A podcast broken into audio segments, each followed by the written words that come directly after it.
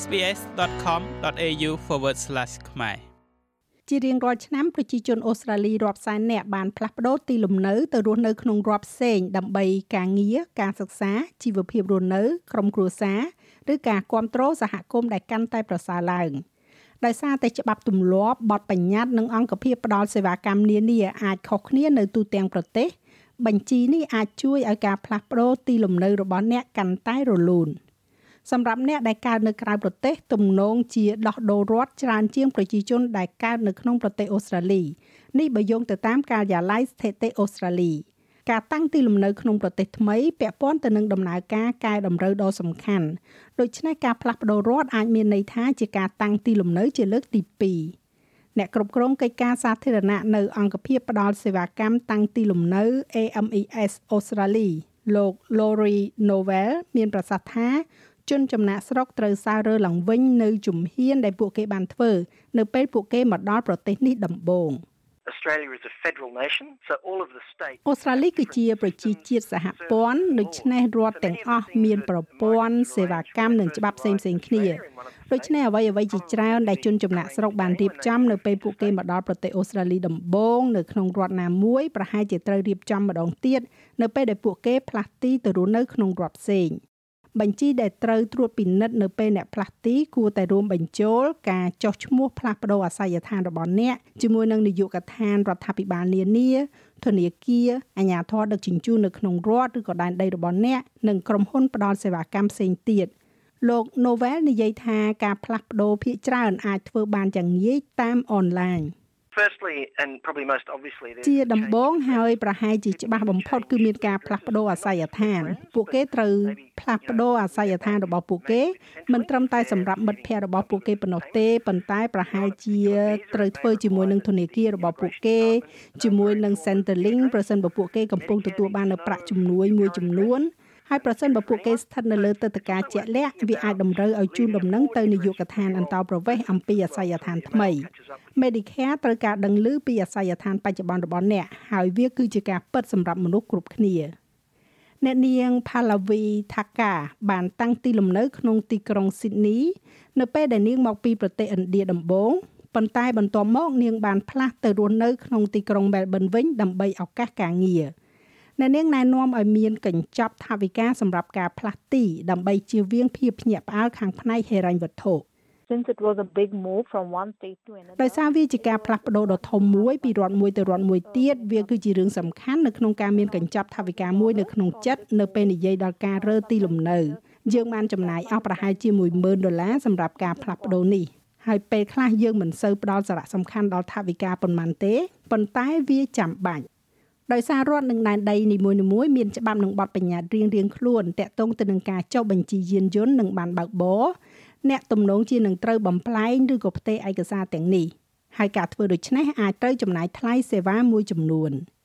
Obviously you also need to change your driver's license ជាក់ស្ដែងអ្នកក៏ត្រូវផ្លាស់ប្ដូរបានបើកបរដែរហើយរដ្ឋភាគច្រើនផ្ដល់ជូនអ្នកប្រហែលជា3ខែដើម្បីផ្លាស់ប្ដូរ ហើយបើនិយាយពីការដឹកជញ្ជូនវិញច្បាស់ណាស់ច្បាប់ចរាចរណ៍គឺខុសគ្នានៅក្នុងរដ្ឋនីមួយៗជាពិសេសរដ្ឋ Victoria ខុសប្លែកពីគេដោយសារមានរថភ្លើងដែលធ្វើដំណើរតាមដងផ្លូវថ្នល់ដែលហៅថា trams ដូច្នេះគួរស្វែងយល់អំពីច្បាប់ចរាចរណ៍នៅក្នុងតំបន់ជាក់លាក់ម្យ៉ាងវិញទៀតប្រព័ន្ធដឹកជញ្ជូនសាធារណៈមានភាពខុសប្លែកគ្នាសម្បត្តិក៏ខុសគ្នាហើយកន្លែងខ្លះមានសេវាដឹកជញ្ជូនសាធារណៈប្រសើរជាងកន្លែងផ្សេងទៀត ការបោះឆ្នោតគឺជាកាតព្វកិច្ចនៅក្នុងប្រទេសអូស្ត្រាលីរាល់ពេលដែលអ្នកផ្លាស់ទីអ្នកត្រូវតែធ្វើបច្ចុប្បន្នភាពអាសយដ្ឋានរបស់អ្នកនៅលើបញ្ជីបោះឆ្នោតបើមិនដូច្នោះទេឈ្មោះរបស់អ្នកអាចត្រូវបានដកចេញហើយអ្នកនឹងមិនអាចបោះឆ្នោតបានទេលោក Novel និយាយថាគណៈកម្មការរៀបចំការបោះឆ្នោតអូស្ត្រាលីផ្ដល់ជំរឿផ្សេងផ្សេងនៅក្នុងការធ្វើបច្ចុប្បន្នភាពព័ត៌មានលម្អិតនៃការចុះឈ្មោះរបស់អ្នក you probably need to inform the អ្នកប្រហែលជាត្រូវជូនដំណឹងទៅគណៈកម្មាធិការរៀបចំការបោះឆ្នោតអូស្ត្រាលីអំពីការផ្លាស់ប្ដូរទីលំនៅរបស់អ្នកហើយបន្ទាប់មកនៅពេលដែលអ្នកទៅដល់រដ្ឋថ្មីអ្នកត្រូវចុះឈ្មោះក្នុងរដ្ឋនោះដើម្បីអាចបោះឆ្នោតបានតាមបច្ចេកទេសវាគឺជាកាតព្វកិច្ចក្នុងការបោះឆ្នោតដូច្នេះអ្នកអាចត្រូវបានផាកពិន័យប្រសិនបើអ្នកមិនចុះឈ្មោះនៅពេលដែលអ្នកមានសិទ្ធិទៅបោះឆ្នោត ប្រទេសអូស្ត្រាលីមានកម្មវិធីសិក្សាថ្នាក់ជាតិមិនថាអ្នករស់នៅទីណាឬក៏ចូលរៀននៅសាលារៀនប្រភេទណានោះទេទទោះជាយ៉ាងណាក៏ដោយលោក Lori Dovell មកពី AMES ស្នើឲ្យអ្នកធ្វើការស្រាវជ្រាវដែលអាចជួយអ្នកនៅក្នុងការចោះឈ្មោះព្រោះថាលក្ខខណ្ឌសាលារៀនវិញ្ញាបនបត្រនិងមុខវិជ្ជាគឺខុសៗគ្នា If you have kids or even if an adult is ប្រសិនបើអ្នកមានកូនតូចឬក៏មនុស្សពេញវ័យត្រូវចោះឈ្មោះចូលរៀនក្នុងវគ្គបណ្ដុះបណ្ដាលឬក៏ការអប់រំ វាពិតជាមានតម្លៃនៅក្នុងការដឹងអំពីប្រព័ន្ធនៅក្នុងរដ្ឋជាក់លាក់ដែលអ្នកកំពុងផ្លាស់ទីទៅឧទាហរណ៍សាលារៀននៅក្នុងរដ្ឋផ្សេងផ្សេងគ្នាមានម៉ោងសិក្សានិងពេលឈប់សម្រាកខុសៗគ្នាពួកគេផ្ដល់ជូននៅមុខវិជ្ជានិងវគ្គសិក្សាផ្សេងផ្សេងគ្នាដូច្នេះវាសមនឹងតម្លៃដែលអ្នកត្រូវគិតគូរអំពីរឿងទាំងនោះអ្នកនាង Pallavi Thaka ក៏ផ្ដល់អនុសាសន៍ឲ្យពិនិត្យមើលជាមួយនឹងក្រុមហ៊ុនធានារ៉ាប់រងរបស់អ្នកមុនពេលធ្វើការផ្លាស់ប្ដូរ ព្រោះតម្លៃបុព្វលាភឬក៏យើងហៅថា premiums និងក្រុមហ៊ុនផ្ដល់សេវាកម្មអាចខុសគ្នាពីរដ្ឋមួយទៅរដ្ឋមួយ We realized that data insurance យើងបានដឹងថាក្រុមហ៊ុនធានារ៉ាប់រងក្រុមហ៊ុនធានារ៉ាប់រងសុខភាព បានគិតថ្លៃបន្ថែមដោយសារច្បាប់និងបទបញ្ញត្តិរបស់រដ្ឋ Victoria អ្នកត្រូវឆែកមើលក្រុមហ៊ុនផ្ដល់សេវារបស់អ្នកទាំងអស់ដែលកំពុងប្រតិបត្តិការនៅក្នុងរដ្ឋមួយថាតើពួកគេអាចផ្ដល់ឲ្យអ្នកដូចគ្នានៅក្នុងរដ្ឋផ្សេងទៀតបានដែរឬទេ ពីព្រោះសេវាកម្មពីមួយរដ្ឋទៅមួយរដ្ឋខុសគ្នា ហើយប្រតិបត្តិការក៏ខុសគ្នាដែរគ្រួសារជនចំណាក់ស្រុកមួយចំនួនស្វែងរកការចូលរួមក្នុងសហគមន៍វប្បធម៌ដើម្បីតភ្ជាប់ជាមួយបណ្ដាញគាំទ្រនិងសុំការណែនាំអំពីកន្លែងរស់នៅថ្មីរបស់ពួកគេ អ្នកនាងថាការនិយាយថានាងបានរកឃើញថាប្រព័ន្ធផ្សព្វផ្សាយសង្គមមានប្រយោជន៍នៅក្នុងការទទួលបាននៅដំបូន្មានជាក់ស្ដែង។ So basically I posted my query on ជាទូទៅខ្ញុំបានបង្ហោះសំណួររបស់ខ្ញុំនៅលើ Facebook ហើយមនុស្សម្នាគឺពួកគេល្អគ្រប់គ្រាន់នៅក្នុងការបញ្ចេញនៅយោបល់ជាច្រើនហើយវាសំខាន់បំផុតសម្រាប់ពួកយើងដែលនៅជិតទីក្រុងដូច្នេះការទៅរស់នៅជាក្រុងដាច់ឆ្ងាយត្រូវបានច្រានចោលក្រៅពីវេទិកាសហគមន៍លោក Novel និយាយថាអង្គភាពផ្ដល់សេវាកម្មតាំងទីលំនៅ និងមជ្ឈមណ្ឌលធនធានជនចំណាក់ស្រុកក៏អាចជួយបានផងដែរ។ government has a uh, translation and interpreter រដ្ឋាភិបាលមានសេវាកម្មបកប្រែផ្ទាល់មាត់និងសរសេរដែលអ្នកអាចប្រើប្រាស់បាននិងដោយឥតគិតថ្លៃសម្រាប់ប្រជាជន